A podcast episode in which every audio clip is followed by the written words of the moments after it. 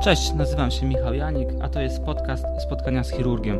Audycja, w trakcie której, jako tytułowy chirurg, dzielę się z Wami moją wiedzą na temat chirurgii i medycyny. Jeśli jesteś pacjentem lub osobą zainteresowaną tą tematyką, to jest właśnie miejsce dla Ciebie. Serdecznie zapraszam. Witam wszystkich na pierwszym odcinku mojego podcastu Spotkania z chirurgiem. Pomysł na ten podcast powstał już jakiś czas temu, dlatego że szukałem kanału informacyjnego, poprzez który mógłbym dostarczyć moim pacjentom wiarygodne informacje na temat chorób, którymi zajmuję się w mojej codziennej praktyce. Były pomysły na filmy, były pomysły na książki, były pomysły na ulotki, broszury, natomiast e, sam odnalazłem podcast jako taki środek komunikacji, który w zasadzie jest bardzo przyjazny, ponieważ podcastu możecie słuchać w drodze do domu, będąc w samochodzie, będąc na spacerze. Myślę, że jest to dobra forma, żebyśmy na spokojnie mogli omówić pewne rzeczy, które mogą być bardzo istotne z punktu widzenia waszego zdrowia. Serię podcastów chciałbym rozpocząć od tematyki, która z chirurgią ma wiele wspólnego, ale nie jest tak bardzo dobrze kojarzona jako choroba chirurgiczna. Jest to problem otyłości. Dlatego pierwsze kilka odcinków będzie poświęconych właśnie tej chorobie. Będziemy rozmawiali o tym, czym jest otyłość, jakie są sposoby jej leczenia, jakie są oczekiwane efekty, a także będę chciał Wam powiedzieć, jak się przygotować, jeśli podejmiecie się leczenia chirurgicznego otyłości i w jaki sposób później zachować się, żeby utrzymać efekty. Zaczynamy. Słuchajcie, otyłość, mimo że nie jest kojarzona z chirurgią, to w mojej codziennej pracy stanowi ponad połowę przypadków, którymi się zajmuję. Problem w zasadzie jest dosyć nowy, dlatego że jeszcze kilkadziesiąt lat temu otyłość to nie była choroba, która była leczona chirurgicznie. To wszystko się zmieniło. Wyobraźcie sobie, że od 1975 roku występowanie otyłości wzrosło trzykrotnie. Są takie badania, które oceniały, jak duży odsetek populacji Europejczyków cierpi na nadwagę i otyłość. I uwaga, było to aż 53%. Podobne badania były przeprowadzone w Polsce, gdzie naukowcy starali się określić właśnie, jak dużo pacjentów, a raczej Polaków, Polek, cierpi na nadwagę i na otyłość. Takie badania były przeprowadzane na przestrzeni kilku lat. To był rok 2010, 2014 i 2019. I słuchajcie, co się okazało? Z roku na rok odsetek ten wzrastał. Początkowo otyłość dotyczyła 17% naszej populacji, natomiast w 2019 roku to było już 21%. Jak widać, dosyć dużo. Pamiętajcie, że te badania były przeprowadzone jeszcze przed pandemią spowodowaną COVID-19, a również mamy dane, które pokazywały, że w okresie pandemii średnio pacjent przybierał około 5 kg masy ciała. Teraz możemy się spodziewać jeszcze większego problemu otyłości. To, co jest istotne, to to, że takie badania rzucają też światło na to, kogo najbardziej dotyczy problem otyłości. I tutaj możecie zgadywać, że w przypadku mężczyzn to pewnie będą panowie po ślubie. Nie macie racji. Faktycznie mężczyźni po 35 roku życia stanowili największy odsetek mężczyzn chorujących na otyłość. Jeśli chodzi o kobiety, to intuicja może Wam podpowiadać, że dotyczy to kobiet po menopauzie. I to też jest prawda, dlatego że w tych badaniach wykazano, iż otyłość najczęściej występowała u kobiet właśnie po 45 roku życia. To, co jest moim zdaniem bardzo niepokojące, to jednak obserwacje pochodzące z innych badań, które wykazują, że problem otyłości występuje również w takich bardzo młodych populacjach, jak przedszkolaki. Sam jestem rodzicem i mam wgląd w, właśnie w środowisko przedszkolne. To, co jest dla mnie bardzo niepokojące, to obserwacja, że coraz więcej małych dzieci cierpi na nadwagę i są również dzieci, które cierpią na otyłość. To się potwierdza w badaniach, które pokazały, że kilka lat temu około 10% dziewczynek w wieku przedszkolnym miało nadwagę lub otyłość. Jeśli chodzi o chłopców, to było to 12%. To pokazuje niestety, że nasza populacja już na bardzo wczesnym etapie wchodzi w ten problem. Co to jest otyłość? to jest taki stan, gdzie w organizmie dochodzi do akumulacji nadmiernej ilości tkanki tłuszczowej, a ta tkanka tłuszczowa jest metabolicznie czynna. I to powoduje różnego rodzaju zaburzenia stanu zdrowia. Są też takie opinie, że jest to przewlekła choroba, która nie ma tendencji do samoistnego ustąpienia. Natomiast ja chciałbym Wam przedstawić taki obrazek, który opisuje, co to jest otyłość. Chciałbym, żebyście sobie wyobrazili człowieka, który dąży do stanu dobrego zdrowia. Ale żeby pokonał tą drogę, musi przejść przeszkodę. I tą przeszkodą jest właśnie nadwaga i otyłość. Jak dochodzi do powstania otyłości? Każdy z Was może wyobrazić sobie również wagę. Na jednym odważniku mamy energię dostarczoną, a na drugim odważniku mamy energię wydatkowaną. Tak naprawdę nasz organizm wymaga zachowania pewnego balansu pomiędzy jednym odważnikiem a drugim odważnikiem. To znaczy, że energia dostarczona powinna w dużej mierze być równa energii wydatkowanej.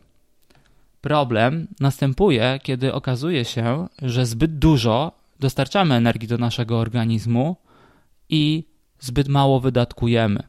Wówczas ten balans jest zakłócony, nasza waga jest przeważona i właśnie to zakłócenie balansu doprowadza do akumulacji tkanki tłuszczowej, ponieważ to tam akumuluje się nadmiar energii.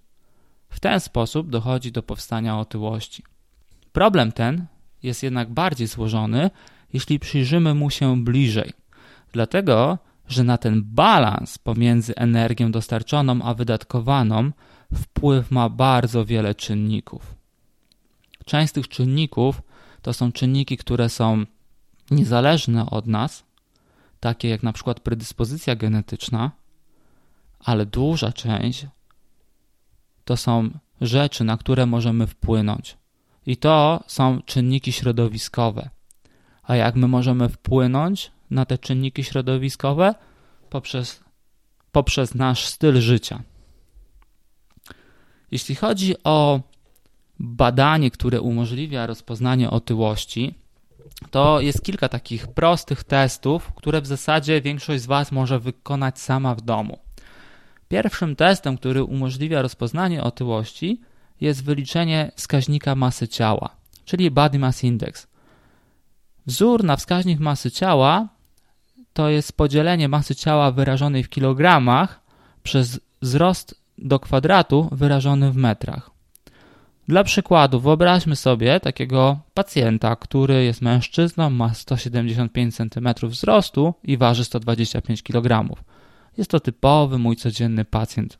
BMI takiego chorego będzie wynosiło 40 kg na metr kwadrat.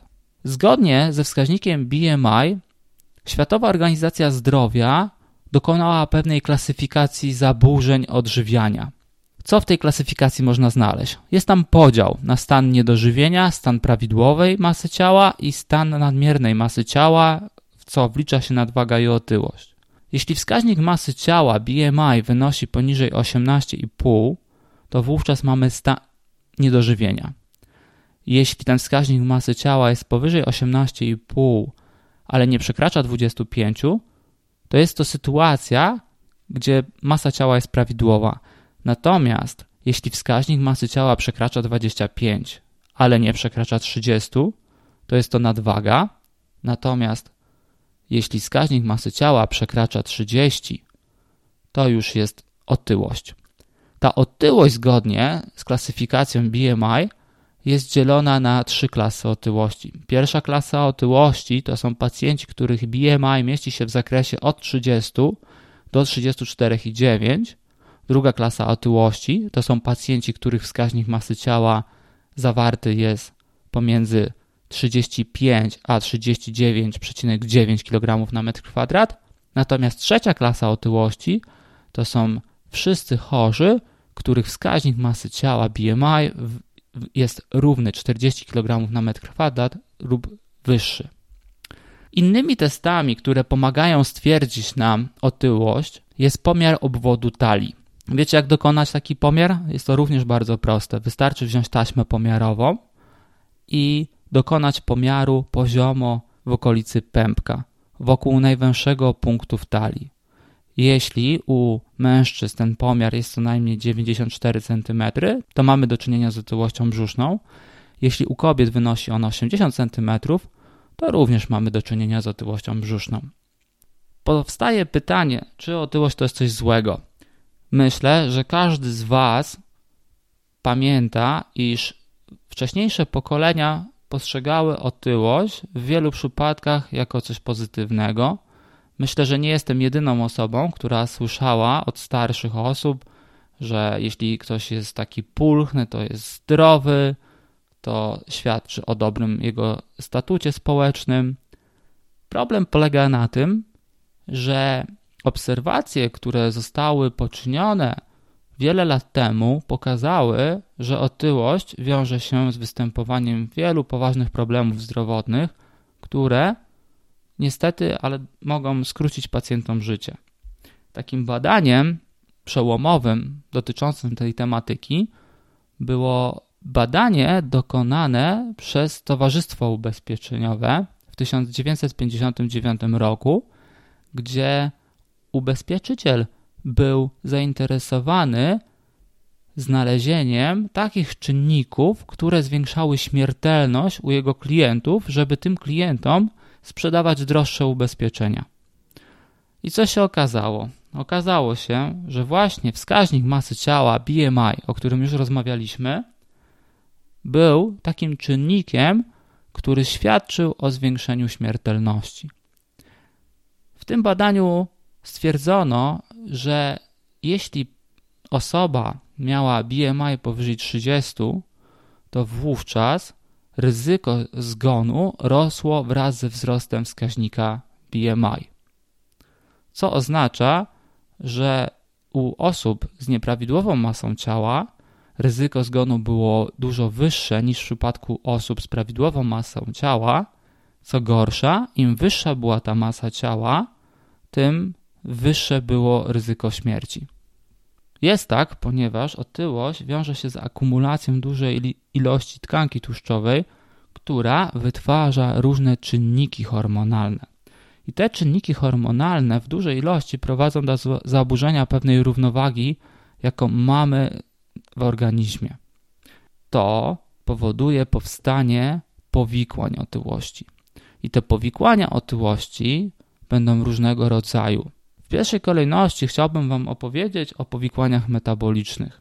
Powikłania metaboliczne w przebiegu otyłości powstają najczęściej na podłożu insulinooporności.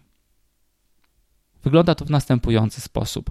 Jeśli we krwi jest wysoki poziom cukru, to wtedy trzustka wydziela insulinę, a insulina odpowiada za to, że poziom cukru ulega obniżeniu.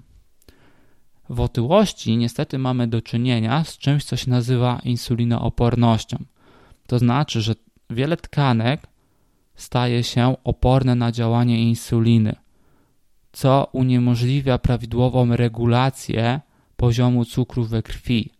Dlatego często u pacjentów, którzy chorują na otyłość i mają insulinooporność, obserwuje się tendencję do podwyższonego poziomu cukru naczczo.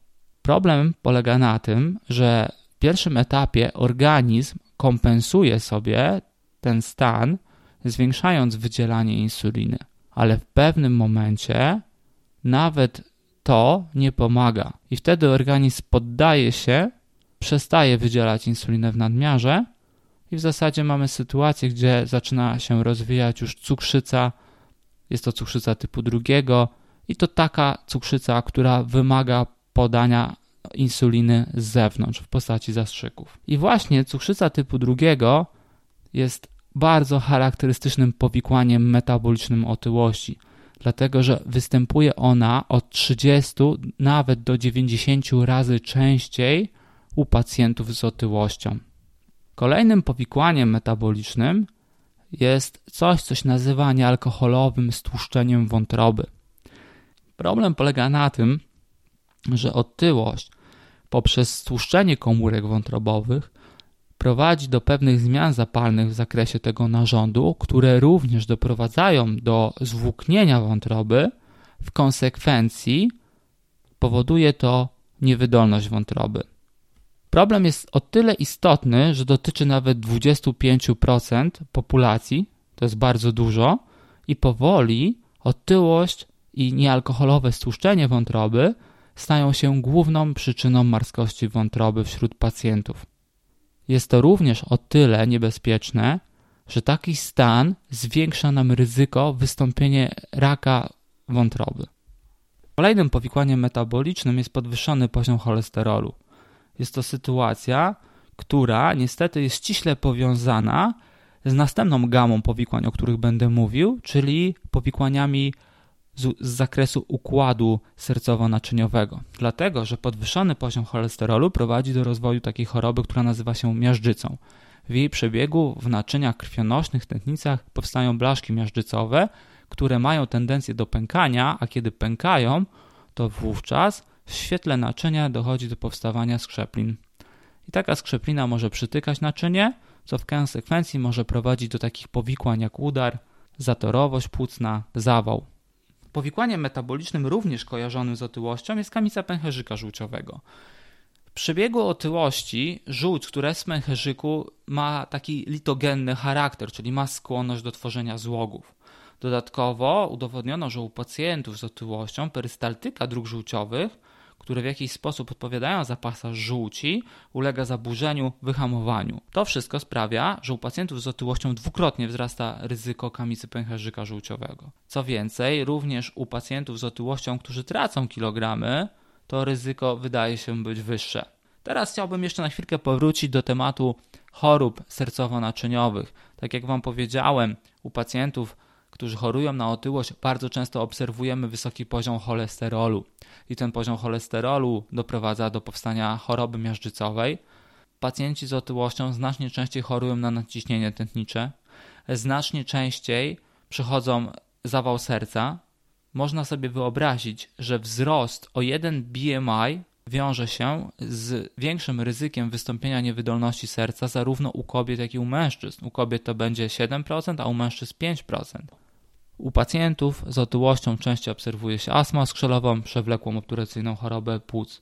Również choroby endokrynologiczne, które same w sobie mogą powodować otyłość, często wtórnie występują do otyłości. I takim przykładem jest niedoczynność tarczycy lub zespół policystycznych jajników. Jeśli chodzi o coś, co zostawiłem na koniec, to są to nowotwory. To jest bardzo ważne, ponieważ nie mówi się o tym wiele, ale otyłość stanowi bardzo istotny czynnik ryzyka rozwoju wielu rodzajów raka. Wyobraźcie sobie, że wzrost wskaźnika BMI o każde 5 punktów jednocześnie zwiększa wasze ryzyko zachorowania na raka macicy, przełyku, nerki o 30 do 60%. Jest to bardzo dużo. Podobnie obserwuje się, że u osób z otyłością jest również istotny wzrost zachorowań na raka jelita grubego, trzustki, a u kobiet po menopauzie również raka piersi. Jak widać, otyłość jest tutaj przyczyną bardzo poważnych powikłań, które w zasadzie doprowadzają do śmierci przedwczesnej. Jeśli chcemy odpowiedzieć sobie na pytanie, czy jest naprawdę tak źle, muszę Wam powiedzieć, że jest tak źle. Są takie badania przeprowadzone w Australii, gdzie badacze zainteresowali się tematyką oczekiwanej długości życia w zależności od stanu odżywienia. I co się okazało? Myślę, że możecie już powoli domyślać się, co będę mówił. Otóż w tych badaniach wyszło, że u pacjentów z otyłością utrata oczekiwanej długości przeżycia może wynosić nawet 10 lat. Dotyczy to mężczyzn, których wskaźnik masy ciała mieści się w przedziale od 35 do 45 kg na metr kwadrat. I to doprowadza nas do bardzo ważnego pytania, na które chciałbym Wam odpowiedzieć. Dlaczego my w ogóle chcemy leczyć otyłość? Odpowiedź jest prosta.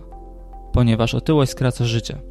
Bardzo Wam dziękuję. Jeśli podobało się, to zapraszam do pozostawienia pozytywnej recenzji i wysokiej oceny podcastu. Zapraszam na kolejne odsłony.